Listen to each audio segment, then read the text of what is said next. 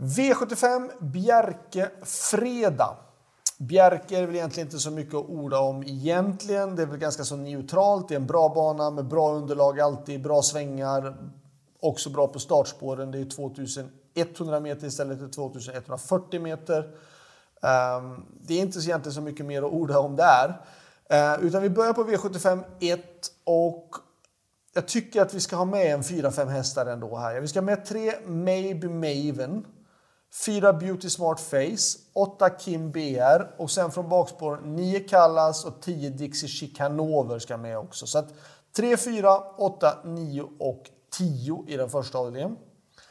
Avdelning 2 är spik på 8 Tiras Perla. Hårt streckad, absolut. Men det är också så att jag tycker att det här ska vara en, en väldigt bra spik också. Kommer med två raka segrar och jag tycker att Ja, ska man gardera då är det då typ de här två hästarna som står på start då. Ett Östby Saga, två Anna Maserati och kanske den hästen då nummer tre Wesselmaja som står 20 tillägg. Möjligtvis skulle kunna bjuda upp till match, men 8 Tiras Pärla är en bra spik. V75 3 är snabbloppet och här är det ingen som höjer sig från de andra tycker jag, utan det är väldigt jämnt. Eh, 1 uh, Always On Time, 4 The Baron, 5 IGBR, 6 Miss Pepper, 7 Charleston Wool som startade för två dagar sedan uh, och 8 Type A är väl de som jag tycker är mest intressanta. Jag tror inte så mycket på 2, 3 och 9 utan det får bli 1, 4, 5, 6, 7 och 8 i avdelning 3. Avdelning 4 kommer bästa spiken i omgången nummer 5 High Performance. Perfekt utgångsläge. Um, jag tycker väl att det finns ingen av de andra som är med i loppet som har visat riktigt samma, samma resultat får man väl säga. Um, väldigt hårt sträcka såklart, fem high performance, men jag kan tycka ändå det är spelmässigt den bästa spiken i omgången. Det tycker jag faktiskt. Så vi går istället till V75 5 som jag tycker är lite svårare.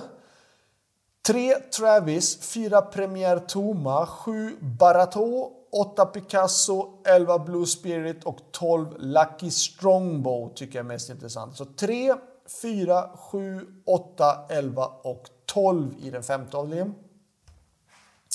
Avdelning 6 um, ehm, har lite...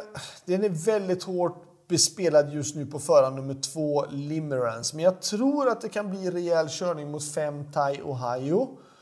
Och det bjuder upp till lite grann mer öppet. Och då vill jag med nummer ett, Here Comes Gardenia från vinnarhålet. Självklart två Limerence. Tre Hash, fem Thai Ohio och sex Thai Manhattan vill jag också med. Så att 1, 2, 3, 5 och 6 i avdelning 6. Avdelning 7. Um, ehm, två cool tricks blir ju hårt streckad, men jag tycker att vi ska passa på att gardera ändå. Uh, tre Treffilov är bra. Fyra Taitagarian är också bra. Sju McBurney. Åtta Cabron står jag lite grann och tycker kanske att det där är ett lyxstreck. Den är bara tre år och går ut och möter äldre hästar från spår 8 bakom bilen. Det Känns lite överdrivet att ta med den, men jag säger ändå varning på den.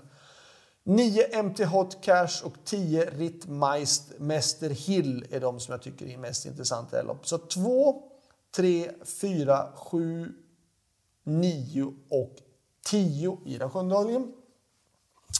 Slutsummering. Bästa spiken är ju då i den fjärde avdelningen nummer 5, High Performance. Och sen tycker jag att passa upp i den första avdelningen för nummer 10 Dixie Chicanover. Det är ändå ett regibyte där Anders Wolden tränar nu um, och jag tycker det här loppet är lite grann öppet. Um, kan vara värt att tänka på det i alla fall. Så är allt. Lycka till. Ha det bra. Hej då.